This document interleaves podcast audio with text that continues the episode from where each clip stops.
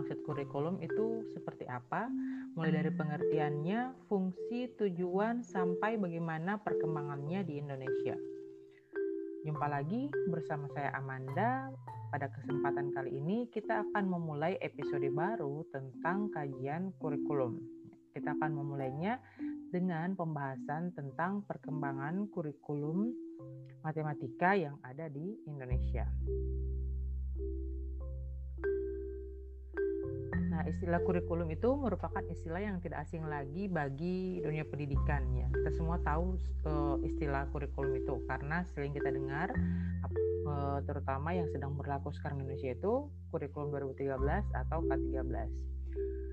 Kurikulum ini memiliki peranan yang sangat penting dalam pencapaian tujuan pendidikan itu sendiri. Namun uh, sebenarnya apa sih pengertian dari kurikulum itu? Nah, berdasarkan istilah bahasa Inggrisnya, kurikulum itu bisa dikatakan sebagai uh, garis besar konsep yang diajarkan ke siswa untuk membantu mereka uh, mencapai standar dari konten yang akan mereka pelajari. Ya, jadi itu merupakan pengertian secara umumnya. Nah, secara lebih spesifik, itu kurikulum dikatakan sebagai perangkat mata pelajaran dan program pendidikan yang diberikan oleh suatu lembaga penyelenggara pendidikan yang berisi rancangan pelajaran eh, yang akan diberikan kepada peserta pelajaran dalam suatu periode jenjang pendidikan. Ya, terkesan ribet ya pengertian yang satu ini. Uh, balik kembali kita bisa mengkaji pemahaman tentang kurikulum ini mulai dari asal katanya ya. Jadi kata kurikulum itu diambil dari bahasa Inggris yaitu kurikulum yang berarti rencana pembelajaran. Sedangkan uh, kurikulum sendiri dari bahasa Inggris itu dia itu berarti diambil akar katanya berasal dari bahasa Latin yaitu kurere yang memiliki arti seperti maju dengan cepat, berada dengan cepat atau menjalani sesuatu ya. Jadi dia itu merupakan proses yang uh, maju ke depannya. Nah, dalam istilah bahasa Arab juga ada yang dikenal dengan uh, kurikulum, walaupun bahasanya bukan kurikulum ya. Jadi dalam bahasa Arab itu dia disebut sebagai manhaj atau yang dapat diartikan dengan jalan yang dilalui oleh manusia dalam kehidupan. Sedangkan kalau dalam uh, kurikulum pendidikan bahasa Arab, kata manhaj al-dirasa atau yang dapat diartikan sebagai sebuah perencanaan dan alat yang dapat dijadikan acuan bagi lembaga-lembaga pendidikan untuk mencapai tujuan pendidikan. Jadi sebenarnya kalau uh, defin apa pengertian umum dari kurikulum ini tidak ada kesepakatan secara khusus dari para ahli. Ya, jadi ada berbagai uh, pakar kurikulum mereka itu mendefinisikan kurikulum secara berbeda, tapi dia intinya itu uh, satu ya intinya sama ya intinya itu adalah menggambarkan garis besar konsep yang akan diajarkan ke siswa untuk mencapai tujuan dari proses pembelajaran mereka. Nah, di sini kita bisa melihat peran kurikulum ya. Jadi peran kurikulum itu ada beberapa. Yang pertama itu ada peran konservatif. Jadi peran konservatif ini merupakan e, melestarikan berbagai budaya sebagai warisan masa lalu ya kita lihat uh, salah satu contoh peran konservatif ini dengan adanya diadakannya mata pelajaran sejarah dalam kurikulum kita. Terus ada peran kreatif. Dalam peran kreatif, kurikulum itu harus mengandung hal-hal baru sehingga dapat membantu siswa untuk dapat mengembangkan setiap potensi yang dimilikinya agar dapat berperan aktif dalam kehidupan sosial masyarakat yang senantiasa bergerak maju secara dinamis ya. Jadi dengan uh, adanya peran kreatif ini, kurikulum itu dia harus selalu mengikuti perkembangan zaman. Kenapa? Karena dia itu harus dijadikan wadah uh, dari siswa agar dapat mengembangkan setiap potensi yang mereka miliki dan bisa menjadi manusia-manusia uh, yang kreatif ke depannya. Ya. Terus ada peran kritis dan evaluatif. Di sini kurikulum itu berperan untuk menyeleksi nilai dan budaya mana yang perlu dipertahankan dan mana yang harus dimiliki oleh siswa. Ya, jadi di sini juga uh, peran besar kurikulum kenapa? Karena di kurikulum itu harus memilah apa saja uh, materi atau pengetahuan yang harus dimiliki oleh siswa sehingga mereka itu siap menjadi uh, manusia dalam perkembangan zaman, ya, siap untuk menjadi masyarakat seutuhnya di kurikulum ini itu uh, makanya krusial sekali pemilihan kurikulum dalam satu negara karena dia ada peran evaluatifnya ya evaluatif di sini itu uh, jadi bisa dikatakan keberhasilan pendidikan suatu negara itu uh, tergantung dari bagaimana kurikulum yang diterapkan di negara tersebut. Nah, selanjutnya kita masuk ke fungsi kurikulum. Yang pertama itu adalah fungsi ilmu pendidikan. Maksudnya itu adalah untuk mempersiapkan peserta didik agar menjadi anggota masyarakat yang bertanggung jawab dan baik. Ya, ini e, bisa dikatakan sebagai fungsi umum dari pendidikan itu sendiri. Kita tahu kita sebagai manusia dididik untuk menjadi manusia yang baik, manusia yang bertanggung jawab, manusia yang sadar akan peran dan tugasnya dalam kehidupan. Ya, makanya kita perlu dididik dan mengikuti pendidikan. Ya. Di mana di sini kita punya pendidikan yang formal dan pendidikan yang informal. Baik pendidikan formal maupun informal itu eh, biasanya harus dijalankan dengan adanya sebuah kurikulum. Walaupun pada kenyataannya di pendidikan informal ada kurikulum yang tidak tertulis. Yang berikutnya fungsinya sebagai suplementasi. Kurikulum sebagai alat pendidikan harus dapat memberikan pelayanan kepada siswa. Ya, jadi dia harus menjadi pelayan yang siswa uh, sebagai suplemen mereka ya yang bisa membawa mereka itu menjadi manusia yang siap dalam uh, hidup bermasyarakat tadi ya. Yang berikutnya itu fungsinya sebagai eksplorasi. Di sini kurikulum itu harus dapat menemukan dan mengembangkan minat dan bakat masing-masing siswa. Ya, jadi itu makanya uh, di kurikulum kita itu uh, ada namanya pada saat masuk uh, sekolah menengah atas ada namanya uh, peminatan uh, bak peminatan siswa. Ya, jadi ada siswa yang di untuk siswa yang senang dengan ilmu sains, senang IPA, senang fisika, biologi, dia itu diarahkan untuk masuk ke kelas ilmu alam ya. Sementara kalau yang senang dengan sosiologi, belajar sejarah, geografi maupun ekonomi itu dia diarahkan untuk masuk ke kelas ilmu sosial. Lain lagi kalau yang senang dengan berbagai macam bahasa dan tertarik untuk mempelajari uh, ilmu bahasa ilmu dari bahasa-bahasa tersebut, maka disediakan kelas bahasa. Lebih jauh juga di kurikulum kita itu disediakan sekolah-sekolah menengah kejuruan, yang mana di situ betul-betul eh, siswa itu bisa mengembangkan minat dan bakat yang dia miliki. Ya, jadi di sekolah kejuruan itu eh, bermacam-macam dan siswa bisa memilih ya sesuai dengan apa yang mereka senangi. Terus fungsi kurikulum sebagai keahlian. Di sini kurikulum berfungsi untuk mengembangkan kemampuan anak sesuai dengan keahliannya yang didasarkan atas minat dan bakat siswa. Ya, jadi ini dia tadi berhubungan dengan fungsi eksplorasi yang mana salah satu penerapannya sudah saya jelaskan tadi eh, di penjurusan di sekolah menengah umum dan juga diadakannya sekolah menengah kejuruan.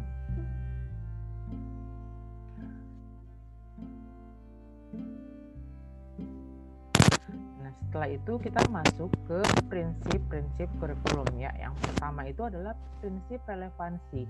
Di sini kurikulum yang dikembangkan oleh sekolah itu harus memiliki kesesuaian atau relevansi sehingga kurikulum tersebut bisa bermanfaat. Ya, di sini itu ada dua relevansi. Yang pertama ada relevansi internal dan yang kedua ada adalah relevansi eksternal.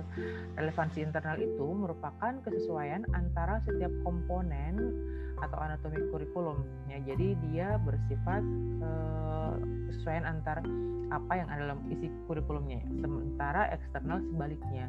Dia itu merupakan program kurikulum harus sesuai dan mampu menjawab terhadap tuntunan dan perkembangan kehidupan masyarakat. Ya jadi ini dia uh, terkait dengan hal-hal yang ada di luar kurikulum tersebut.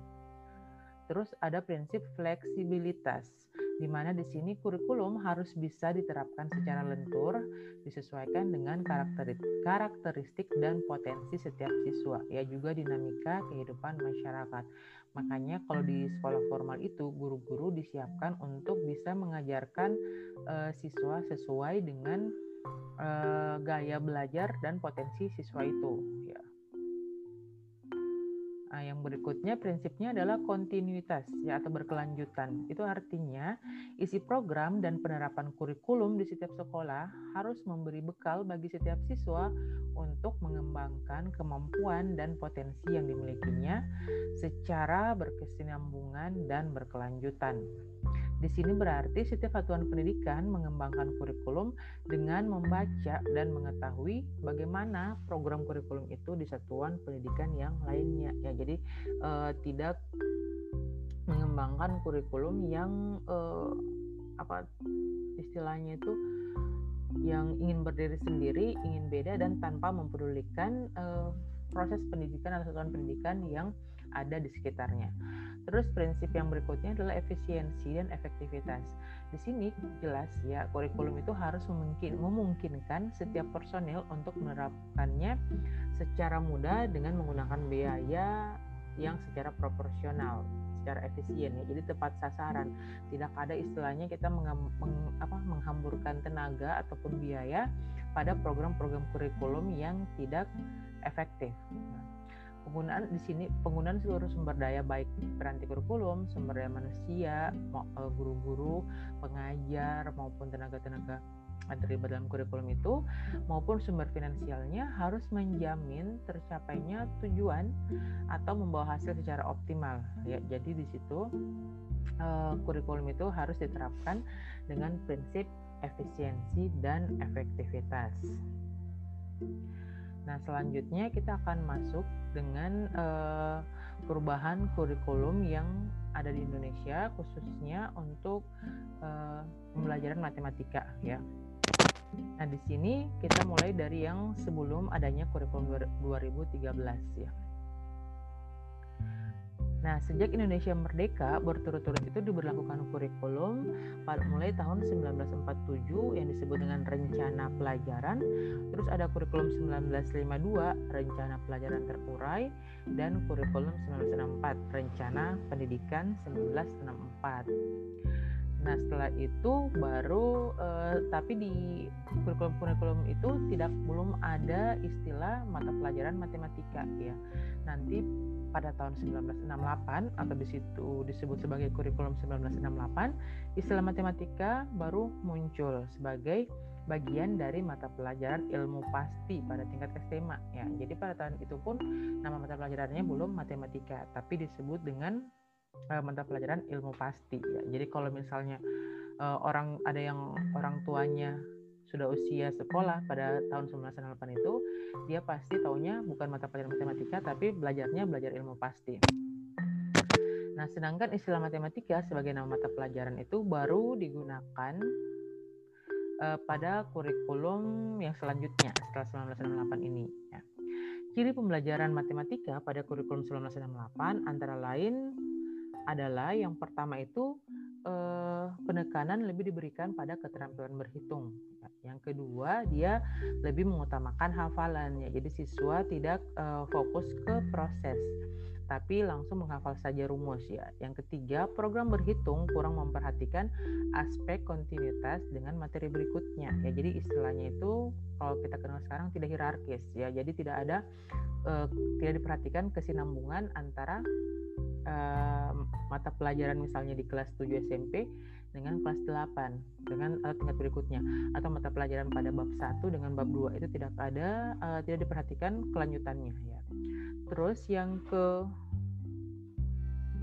empat itu dia kurang terkait dengan dunia luar. Jadi yang dibicarakan matematika pada tahun 1998 itu atau disebut dengan ilmu pasti adalah matematika yang murni matematika uh, istilahnya apa ya istilahnya ya matematika murni. Yang bukan matematika terapan ya. Yang saya harapkan kan matematika terapan atau matematika yang lebih aplikatif ke dunia uh, siswa ya. Atau ke dunia kita sendiri gitu ya. Terus uh, terakhir itu dia penyajian materinya kurang memberikan peluang untuk tumbuhnya motivasi serta rasa ingin tahu anak ya mungkin kalian pernah merasakan sendiri bagaimana kalau diajarkan oleh guru matematika itu yang diajarkan hanya rumus saja tanpa kita tahu itu gunanya untuk apa langsung hafal rumus langsung kerja soal sesuai dengan rumus tersebut ya. nah uh, karena penekanan-penekanan ini atau karena ciri-ciri ini pada tahun 1968 itu kita bisa katakan kalau uh, pembelajarannya itu berpusat pada guru atau teacher center. Uh, selanjutnya kurikulum diubah lagi pada tahun 1975 ya. Jadi pada tahun ini terjadi perubahan besar dengan dimasukkannya matematika modern. Ya, jadi uh, ini juga ini terpengaruh uh, dari perkembangan matematika di luar khususnya di dunia barat yang mana pada uh, sekitaran tahun ini juga mulai berkembang yang namanya modern math ya modern mathematics.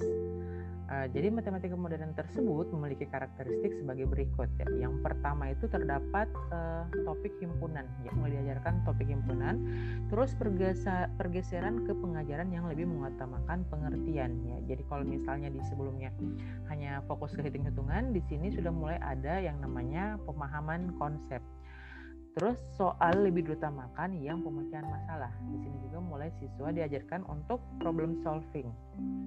Uh, ada kesinambungan dalam penyajian bahan ajar antar jenjangnya. Jadi kalau tadi 1968 tidak memperhatikan itu, di 1975 sudah mulai memperhatikan itu. Ya, jadi mulai ada misalnya sebelum belajar bab 2 materi di bab 1 itu dia berhubungan atau bisa jadikan sebagai dasar untuk pelajari bab yang selanjutnya. Terus eh, terdapat penekanan kepada struktur. Yang berikutnya, program pengajaran memperhatikan keberagaman antar siswa dan e, di sini pergeseran pengajarannya yang kalau awalnya di 1968 tadi dia teacher centered, pada 1975 sudah masuk ke student centered. Ya, artinya pembelajaran yang mulai berpusat pada siswa. E, oleh karena itu e, metode mengajarnya itu dia mulai berubah. Metode mengajarnya mulai diperkenalkan ke materi belajar inquiry atau penemuan dan pemecahan masalah dengan mulai meng, e, mulai mengaplikasikan teknik diskusi. Ya jadi di, pada di sini pada e, kurikulum ini siswa itu sudah mulai diajak untuk e, berdiskusi atau tanya jawab pada saat proses pembelajaran matematika serta upaya pengajaran matematika lebih menarik. Ya, di sini juga mulai guru-guru itu mulai bereksplorasi dengan memberikan permainan dan teka-teki pada saat pembelajaran matematika. Nah, selanjutnya masuk ke kurikulum 1984 ya. Jadi 1984 ini dia perubahan dari yang 1975 itu tidak terlalu banyak ya 1984 ini di mana perbedaan utamanya itu uh, pada 1984 materi pengenalan komputer mulai diberikan ya. Ini karena secara internasional pada tahun ini tuh uh, penggunaan komputer pertama kali itu mulai booming-boomingnya ya. Jadi walaupun misalnya siswa tidak pernah lihat um, yang seperti apa itu komputer, tapi itu dia mulai digawangkan atau dibicarakan di sekolah-sekolah karena kan pada zaman dulu kita tidak secanggih sekarang yang mana kalau mau melihat sesuatu tinggal kirim WhatsApp atau upload ke sosial media. Pada zaman itu lihat foto saja itu sudah sesuatu yang sangat mewah ya. Nah, makanya di sini karena tidak terlalu berbeda, masih tetap berfokus ke siswa, dia ini ada istilah yang baru pada tahun 1984 yaitu CBSA ya atau cara belajar siswa aktif ya. Jadi kurang lebih sama dengan student center tadi di mana uh, siswa di sini mulai aktif melakukan diskusi dan bisa uh, tanya jawab dengan guru ketika pembelajaran matematika.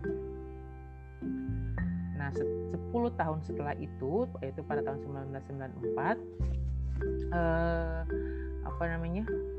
Kurikulum berubah lagi ya. Nah, kalau tadi di tahun 1984 itu baru dibicarakan saja mengenai komputer, di tahun 1994 ini komputer itu sudah uh, mulai digunakan di sekolah-sekolah tertentu ya, sekolah-sekolah tertentu yang uh, pada saat itu mampu untuk mengadakan komputer di sekolahnya ya. Karena model komputer pada tahun 1994 itu jauh berbeda dengan model komputer yang ada pada saat sekarang ini ya.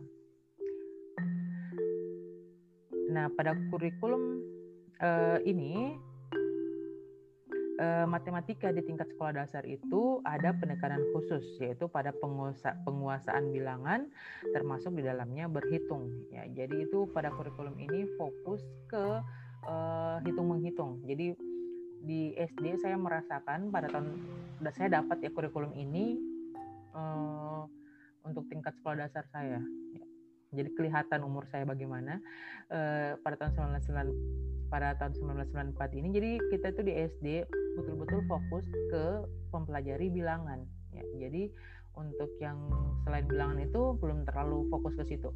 Jadi untuk memperkenalkan bilangan asli, bilangan bulat, pecahan, operasinya, penggunaannya, pokoknya kita betul-betul mahir dalam bilangan pada saat uh, penerapan kurikulum 1994 itu karena memang fokusnya ke situ untuk siswa SD. Nah, setelah masuk uh, siswa SMP baru bahan kajiannya itu meluas ya, meluas mulai diajarkan aritmatika, aljabar, geometri, peluang dan statistika.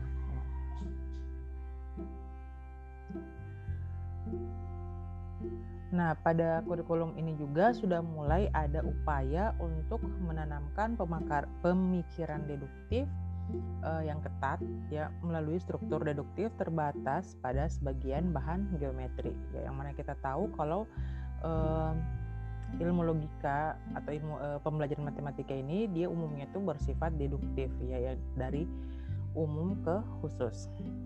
Nah, selain itu materi matematik, materi matematik SMU juga uh, ada tambahan pengenalan teori graf ya yang saat ini sudah tidak ada dan masuk ke bagian matematika diskrit untuk matematika universitas. Nah, selang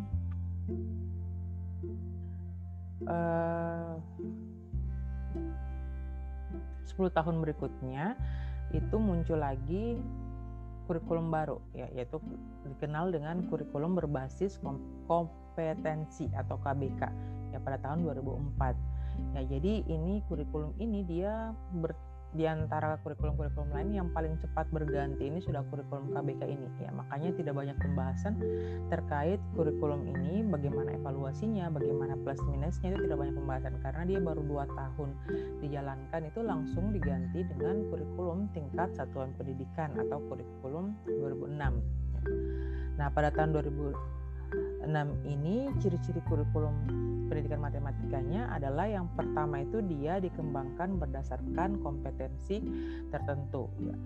Selain itu dia berpusat pada anak sebagai pengembang pengetahuan.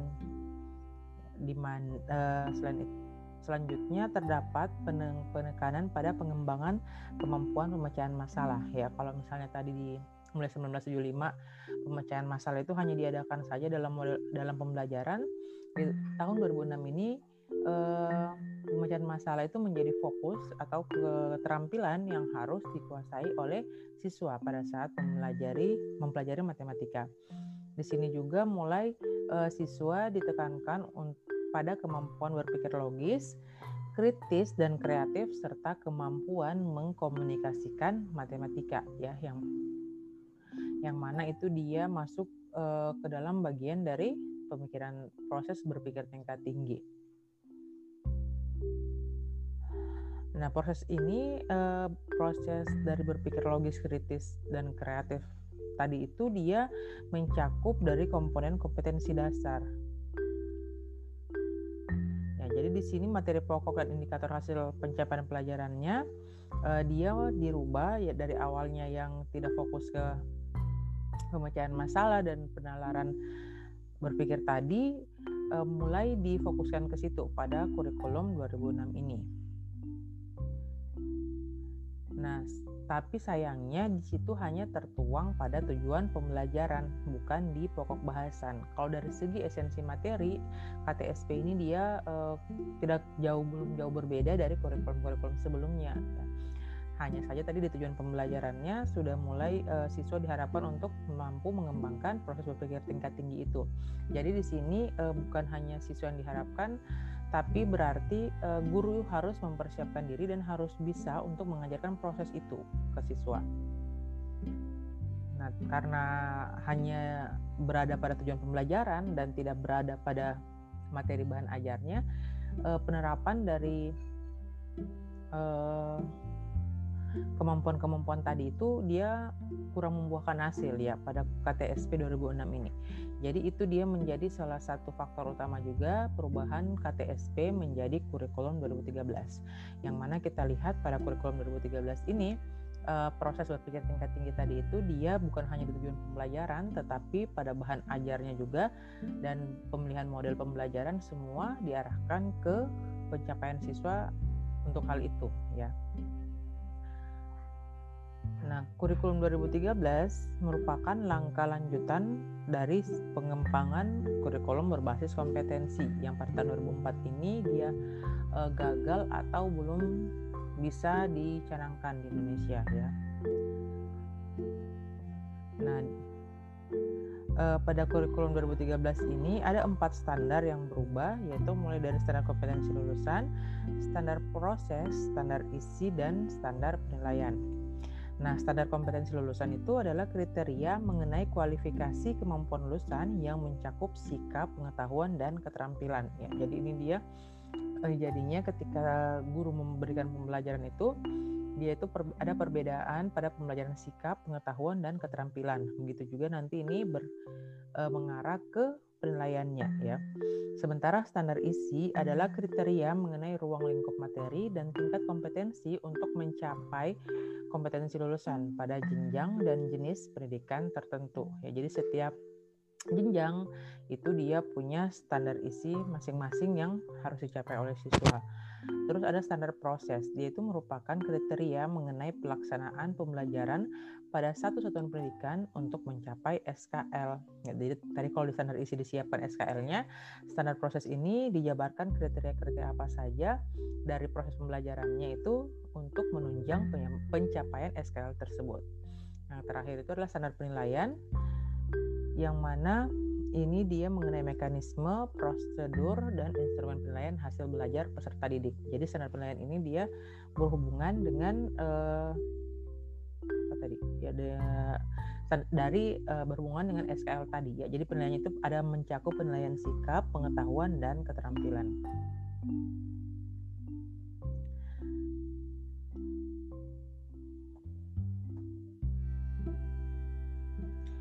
Nah, salah satu uh, perubahan yang paling mencolok juga dari KTSP ke K13 ini adalah satuan pendidikan dan guru tidak diberikan kewenangan untuk menyusun silabus tetapi disusun pada tingkat nasional ya yang mana kita uh, pahami kalau di KTSP itu namanya kan kurikulum tingkat satuan pendidikan ya yang mana kewenangan untuk menyusun silabus dan dan perangkat-perangkat kurikulumnya itu semua itu diserahkan kepada satuan pendidikan.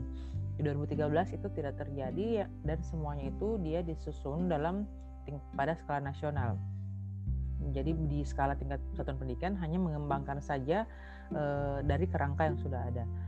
Di sini guru lebih lebih guru lebih diberikan kesempatan untuk mengembangkan proses pembelajaran ya tanpa harus dibebani dengan tugas-tugas penyusunan silabus yang memakan waktu yang banyak dan memerlukan penguasaan teknik penyusunan yang memberatkan guru. Ya. Jadi di awalnya di KTSP itu guru banyak sekali uh, menghabiskan waktu dalam penyusunan perangkat kurikulum. Di 2013 itu dia dipermudah karena sudah disiapkan silabusnya. Guru hanya langsung menyiapkan ke uh, rencana pembelajarannya saja. Ya.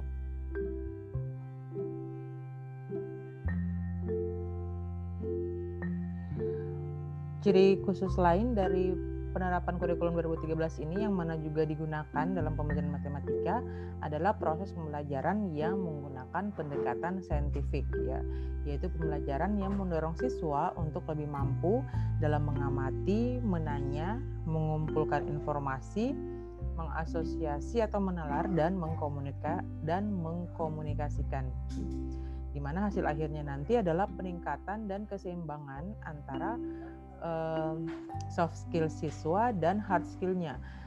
Di mana itu juga sudah mencakup uh, komponen dari SKL tadi ya ada kompetensi sikap keterampilan dan uh, pengetahuan. Jadi model pembelajarannya juga yang digunakan pada K13 ini adalah model pembelajaran yang pertama itu uh, eh, PBL atau Problem Based Learning, terus ada Project Based Learning, Inquiry Learning, dan Discovery Learning.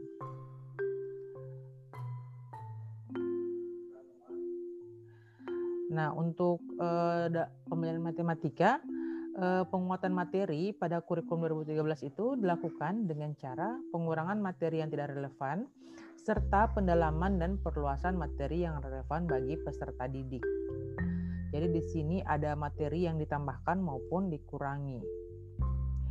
Nah, jadi materi yang ditambahkan ini dia itu kebanyakan mencakup materi yang dianggap penting dalam perbandingan internasional ya, serta penguatan tujuan pembelajaran yang ingin dicapai. Nah, materi-materinya itu mulai dari uh, eh, SMP sekolah menengah ya SMP dan SMA itu dia mencakup materi tentang bilangan rasional, bilangan real, pengenalan aljabar, himpunan, uh, geometri dan pengukuran. Di sini geometrinya itu termasuk transformasi serta pengembangan di statistika dan peluang ya, termasuk diajarkan metode statistik sederhana. Jadi uh, itu tadi Eh, penekanan-penekanan dari tiap kurikulum berdasarkan ciri-ciri kurikulum tersebut dan bagaimana matematika diajarkan pada tiap kurikulum tersebut. Pembahasan tentang kurikulum 2013 tadi mengakhiri uh, pembelajaran kita tentang pengembangan kurikulum matematika di Indonesia. Semoga episode kali ini memberikan uh, tambahan pembelajaran bagi kita terkait kurikulum. Ya. Semoga bermanfaat. Assalamualaikum warahmatullahi wabarakatuh.